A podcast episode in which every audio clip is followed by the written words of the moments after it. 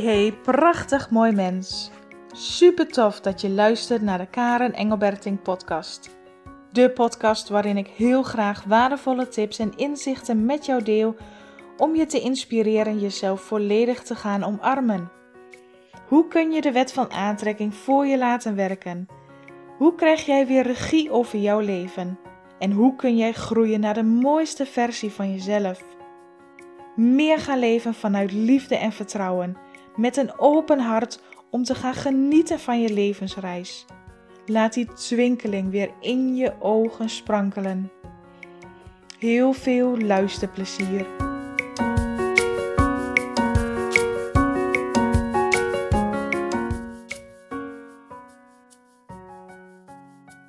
Hey, wat fijn dat je weer luistert. Wat mooi dat je er bent. Het is voor mij een prachtige dag vol met inzichten. Er gebeurt momenteel zoveel in mijn leven en ik kan niet anders dan dit proces met jou gaan delen, omdat het zo belangrijk is. En weet je, ook ik ben ervoor weggelopen.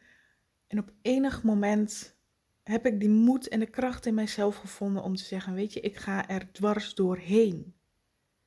En dat en als je de podcast nog niet geluisterd hebt, nummer 67, ontdek je eigen grootste saboteur.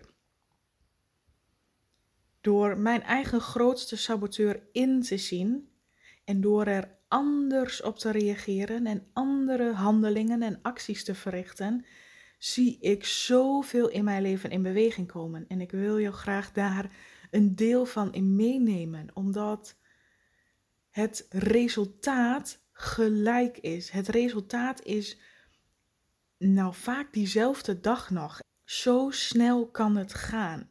Op het moment dat jij de saboteur doorhebt, op het moment dat jij kijkt naar jezelf, naar jouw eigen gedachten, naar jouw eigen handelingen, dan, dan is het net of er iets poef, weet je wel, iets, iets, er is iets gezien. Jij hebt je eigen bewustzijn, jouw eigen licht erop geschenen en het is weg. Er komt beweging in. Je ziet het voor je ogen gebeuren. Oké, ik ga je meenemen zodat het helder wordt, zodat je er een beeld bij krijgt hoe zoiets werkt. En daarvoor heb ik eerst wat uit te leggen. Mijn dochter die uh, is nu vijf. En vanaf haar derde ben ik ongeveer met haar regelmatig naar de tandarts geweest. En vanaf moment één had zij een enorme angst voor de tandarts. Geen idee waarom, waar dat opeens vandaan kwam. Weet je, ze vond het gewoon eng, ze vond het spannend. Nou, in het kader van wennen aan de tandarts zijn we regelmatig, ben ik met haar toen naar de tandarts geweest om gewoon even daar te zijn, spulletjes kijken. Het heeft echt wel tien bezoekjes geduurd voordat zij überhaupt haar mond open wilde doen. Nou ja, al met al, na anderhalf jaar ongeveer, kreeg ik mijn dochter zover dat ze naar de tandarts ging en haar mond open deed. Toen ze haar mond open deed, bleek dus dat zij ook nog een gaatje had. Nou echt. Oh, mijn dochter had al zoiets, weet je, die had echt zoiets gaatje. Oh ja, wat is dat? Hartstikke leuk. Ik, die vond het opeens leuk om naar de tandarts te gaan. Maar bij mij gebeurde er ook van alles van, oh god, zo'n klein wichtje en nu al een gaatje in die melktandjes. Moet dat allemaal? Maar de tandarts vond het gaatje te groot en wilde er toch heel lichtjes iets aan doen. Hij zegt, we doen niet te veel melktandjes, maar dit willen we ook niet groter laten worden. Ik denk, nou ja, oké. Het zal wel, het, zal moeten. Dus um, dat was vorig jaar toen ik met mijn dochter naar de tandarts ging, het gaatje liet maken. En mijn dochter had er eigenlijk super veel zin in, want die was dus eindelijk een beetje gewend aan die tandarts om de mond open te doen. Totdat de tandarts dus met een boor kwam en, van, eh, en alles ging uitboren. Nou echt, ze heeft gehuild en vanaf dat moment, bam, was haar hele angst voor de tandarts weer immens groot. Nou ja, dat is een beetje achtergrondinformatie en ehm, ik geloof er namelijk 100% in dat mijn angsten, mijn pijnen, mijn schaduwkanten, dingen die ik van mezelf nog niet heb aangekeken, dat die zichtbaar worden via mijn dochter.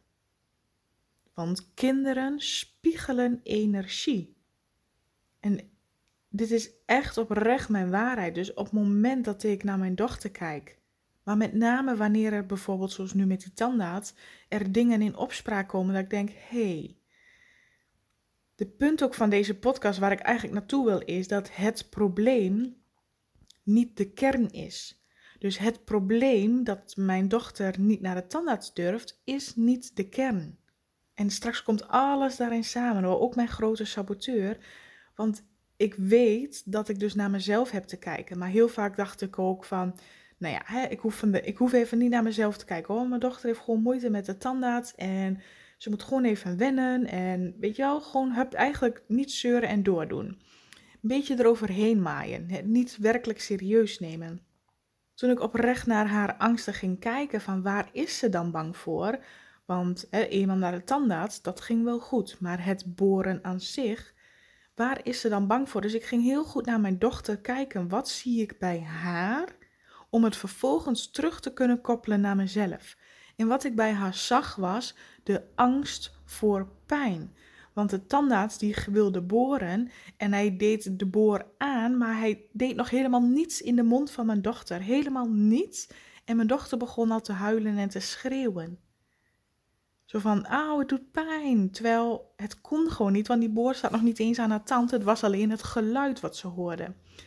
Dus toen ik mijn dochter begon te observeren, wat laat zij mij daar nu echt zien? Hè? Want ik kan het heel algemeen en oppervlakkig houden van, ach ja, ze is bang voor de tanden. Nou ja, daar komt ze ook vanzelf wel overheen. Dan bagatelliseer je het. Maar ik ging heel specifiek observeren. En terwijl ik dus daar keek, terwijl ik zag, toen opeens zag ik je bent niet specifiek bang voor de tandarts, je bent bang voor de pijn. Je weet dat als er eenmaal geboord gaat worden, dat, dat had ze dan al eerder ervaren, als die boor aan haar tand ging, dat dat pijnlijk is. En pijn is niet fijn. Ook als ze bijvoorbeeld, hè, ik zie genoeg andere kindjes die vallen, hè, die wrijven een keer over knieën en hup gaan door. Als mijn dochter valt en ze heeft pijn, dan kan ze dat veel intenser beleven. Dus in dit opzicht zag ik dat ook terugkomen bij de tandarts, de angst voor de pijn. Zonder dat de pijn er überhaupt nog is of al is. Weet je, zonder dat de tandarts begon met boren. Er was nog niets, maar ze begon al te schreeuwen, au, au, au. En dat gaf bij mij voor mij het kwartje, oké, de angst voor de pijn zonder dat er iets gebeurt. En met die boodschap ben ik gaan kijken in mijzelf. En dit was dus ehm, want vorig jaar ben ik bij de tandarts geweest met mijn dochter gaatje maken. Maar omdat mijn dochter op dat moment niet echt goed meewerkte, moest dat dus nog een keer gebeuren. En ik ben nu al meerdere afspraken bij de tandarts, maar ze durft het gewoon niet. Ze wil het niet. Ze raakt helemaal in paniek. Ik zei, nou dan gaan we ook niet verder. Dus dat gaatje wat toen half is afgemaakt, moet nog steeds afgemaakt worden. En daar zijn we al een jaar mee bezig, elke keer om een nieuwe afspraak te maken. En steeds is het drama, steeds is het huilen. Nou, dan maken we gewoon weer een nieuw. We proberen het gewoon opnieuw. Maar ondertussen had ik wel zoiets van: oké, weet je, dit is een bepaald cyclus waar we nu in lijken te komen, waar we niet uitkomen. En ondertussen, dus vanaf vorig jaar, ben ik ook echt oprecht naar mezelf gaan kijken. Dit is dus gewoon een proces. En in eerste instantie merkte ik ook dat ik weerstand had om echt oprecht in mezelf te kijken. Maar toen ik zoiets had van: oké, kom maar op, weet je, dit gun ik mijn dochter ook niet. Als ik hier wat aan kan doen, en want ik geloof oprecht dat het bij mij begint. Iets wat ik uitzend en zij dat slechts uitwerkt als ik er niet zelf naar kijk. Dus op een gegeven moment ook kijken in mezelf angst voor de pijn. Angst voor de pijn. Niet letterlijk nemen, niet letterlijk voor de tandarts, maar zie het symbolisch. Angst voor de pijn. Herken ik dat in mezelf? Auw, ja, absoluut. Het zit zo diep in mij dat ik angst heb voor afwijzing als ik iets doe, voordat ik iets doe, vind ik het zo eng. En waarom vind ik het eng? Omdat ik bang ben dat het mislukt. En waarom ben ik bang dat het mislukt? Omdat ik mij dan een mislukkeling voel. Omdat ik dan het idee heb dat iedereen mij afwijst. Omdat ik dan mijzelf afwijs. Dus hell yes dat ik bang ben voor pijn. Pijn als in geraakt worden, afgewezen worden, gekwetst worden, genegeerd worden. Dat doet pijn heb ik genoeg ervaren in mijn hele leven. En daar, daar hou ik mijn hart voor vast. En ondertussen, terwijl ik naar mijn dochter keek in die tandartsstoel, voelde ik in mijn hele lichaam dat mijn hart verkrampte en mijn buik en mijn maag. En er gebeurde van alles in mijn lichaam. Dus ik wist, omdat mijn hele lijf daarop reageerde, er zit iets in mij. En toen ik dat dus voor mezelf herkende, hé, hey, ik herken het, dat ik bang ben voor de pijn nog voordat het plaatsvindt. En zo kwam ik dus een aantal weken geleden ook achter mijn eigen saboteur, waar ik in podcast nummer 67 over praat. Want omdat ik bang ben voor de pijn, nog voordat het heeft plaatsgevonden, begin ik überhaupt er niet aan. Omdat de angst voor de pijn groter is dan de moed en de kracht om er doorheen te gaan. Begrijp je? Dus ik geloof er oprecht in en ik zag het ook letterlijk voor mijn ogen gebeuren, want ik ga je zo vertellen wat daarna gebeurde. Op het moment dat ik accepteerde, begon in te zien: hé, hey, het is een sabotage van mij, want ik heb pijn. En daardoor heb ik een angst ontwikkeld voor pijn, om gekwetst te worden. En vanuit die angst heb ik heel veel dingen gelaten, niet gedaan, niet durven op te pakken, uitgesteld. Vanuit die angst voor de pijn. Snap je? Vanuit die, de, dus de kern in mij. En wat mijn dochter liet zien was niet de angst voor de tandarts, maar wat mijn dochter liet zien was de angst voor de pijn die er nog niet was. Want op een gegeven moment werd het zo erg dat ik alleen het woordje tandarts, toen we hier thuis waren, als ik al zei tandarts, dan, dan begon ze al helemaal in paniek te raken. Dus op een gegeven moment, de angst werd steeds groter, groter, groter, erger. De paniek werd steeds erger dat ik wel moest naar mezelf kijken. Oprecht naar mezelf kijken. En op het moment dat ik voor mezelf erkende, wauw, ik voel die angst voor pijn. En ik zie opeens, ik kon opeens op dat moment zien dat ik vanuit die angst, vanuit die sabotage, heel veel dingen liet liggen. Heel veel dingen niet aandurfde te gaan, omdat ik bang was bijvoorbeeld al te falen. Dat zat zo diep en dat ging om alles. Dat ging om gewoon een afspraakje maken. Dat ging ook in mijn business om op live te gaan. Dat ging om mijn, mijn online training lanceren. Het ging om kleine dingetjes.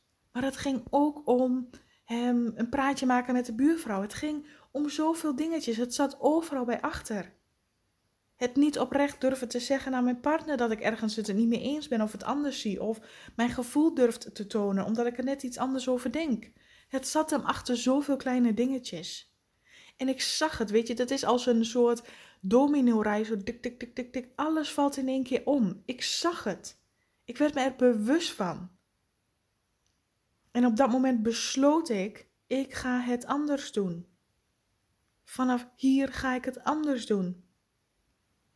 En het grappige was dat ongeveer dus twee weken geleden, toen ik dit allemaal zag, ik besloot het anders te doen. Vanaf dat moment het net leek of de hele, mijn hele omgeving begon te wiebelen. En in de vorige podcast had ik het er ook over dat het wel net lijkt of alles begint te trillen. Heel veel oude dingen beginnen terug te komen. Dus ook met mijn dochter, met haar kleren. Dat ik dacht, hey, dit, dit, oh, discussies hebben we maanden geleden al gehad. Dat was helemaal, eigenlijk was het compleet verdwenen. Er was gewoon geen issue meer. En opeens kwam het allemaal terug. Maar nu, gisteren, moest mijn dochter naar de tandarts. Opnieuw afspraak naar de zoveelste keer, zo vaak afgezegd. Zij gaat naar de tandarts en mijn partner ging dit keer met haar mee. Ondertussen was ik heel erg bewust van mijzelf dat ik door de pijn heen mag bewegen. Dus in plaats van angst te zijn voor de pijn, ben ik met mijzelf in gesprek gegaan. Je kunt geen pijn ontwijken, je kunt geen angst ontwijken. Dus je kunt maar beter confrontabel leren te worden met angst en pijn. Niet dat je het jezelf expres aan moet doen of het juist moet opzoeken, maar turbulentie, chaos, onrust in je leven hoort er wel een beetje bij. Maar het ligt eraan, als ik die turbulentie en die chaos in mijn leven ervaar, reageer ik er dan vanuit paniek op? Ben ik bij voorbaat al bang, oh god, wat gaat er fout? Of reageer ik daar heel relaxed op en denk ik, oké, ik zie turbulentie in mijn leven, er gebeuren allerlei dingen om me heen. Ik ervaar angst of chaos, ik zie het, maar ik blijf in die kern, in de kracht in mezelf. Ik beweeg er doorheen, ik houd mijn focus vast en ik ga er doorheen. En ondertussen was mijn dochter bij de tandarts en ik zat in dat gevoel van vertrouwen. In plaats van vanuit het, het, het, energieveld angst, handelen vanuit angst, zat ik heel erg in het vertrouwen. Ik heb er gewoon vertrouwen in dat ik dit kan. Dat ik door de angst heen kan ondanks dat ik het spannend vind, ondanks dat ik het eng vind, ga ik er vol vertrouwen wel in. En ja, er mogen fouten ontstaan. En ja, ik mag op mijn bek gaan. Om vervolgens te bedenken: hey, fijn dat ik op mijn bek ben gegaan, want dat wil ik in ieder geval niet nog een keer. Ik ga het vanaf nu zo en zo doen.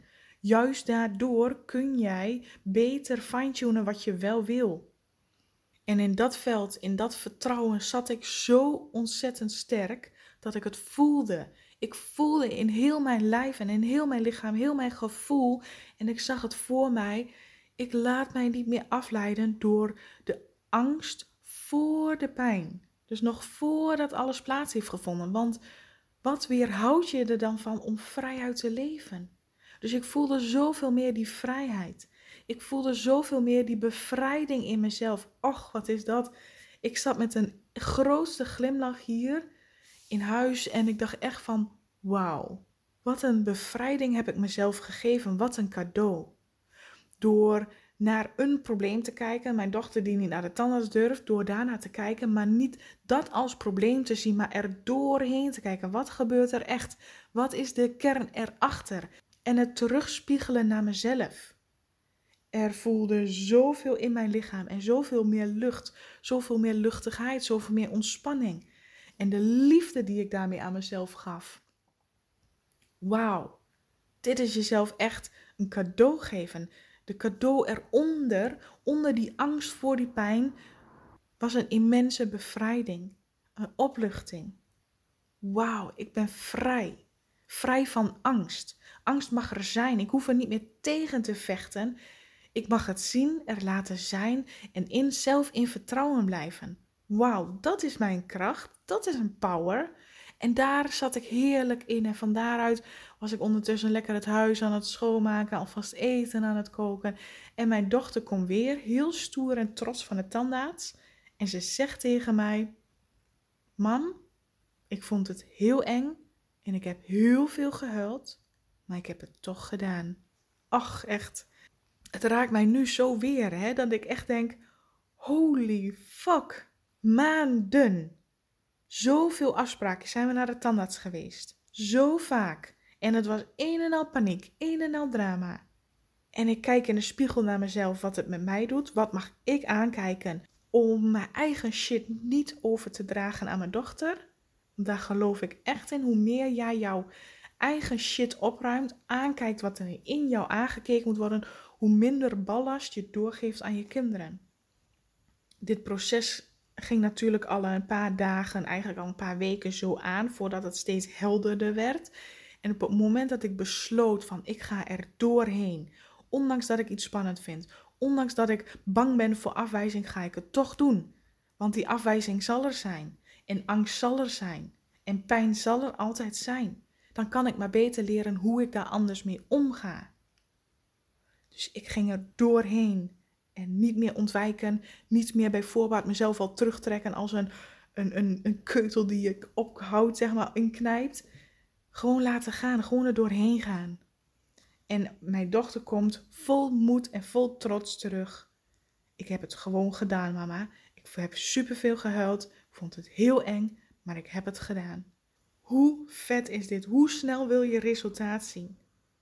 En ik weet het, het is echt niet altijd makkelijk geweest ik kon het eerst ook niet zien. Ik kon het niet zo helder zien. Dat heeft bij mij ook een hele poos geduurd voordat ik echt mijn eigen schaduwkant kon inzien.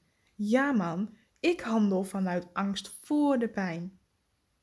En ik mocht het terugzien via mijn dochter. Dus ik ben mijn dochter ontzettend dankbaar daarvoor. Ik ben de situatie daar dankbaar voor.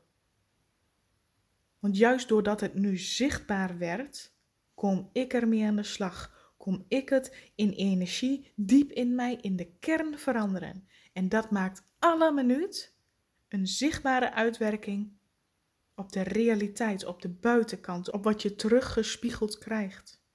Dit noem ik magisch, wonderbaarlijk. Zo mooi, de pareltjes, de diamant. Als je echt in jezelf durft te kijken, als je dat, dit is dat innerlijke werk in jezelf kijken. Wat zit daar? Aandurven te kijken. Nee, niet altijd leuk, maar ja, super noodzakelijk en zo mega waardevol. Je ziet je hele realiteit in een split second veranderen. Vanmorgen, ik heb de beste ochtend ever gehad. Daar waar mijn dochter dus de afgelopen weken hè, treuzelde en, en uh, tegengas gaf en, en, en, drie keer in de ochtend al wilde veranderen van, van kleding. En dat ik echt dacht, oh mijn god, schiet op en we gaan naar school. Was het vandaag weg. Het was weg. We stonden op, we hebben vanmorgen gelachen, we hebben grapjes gemaakt.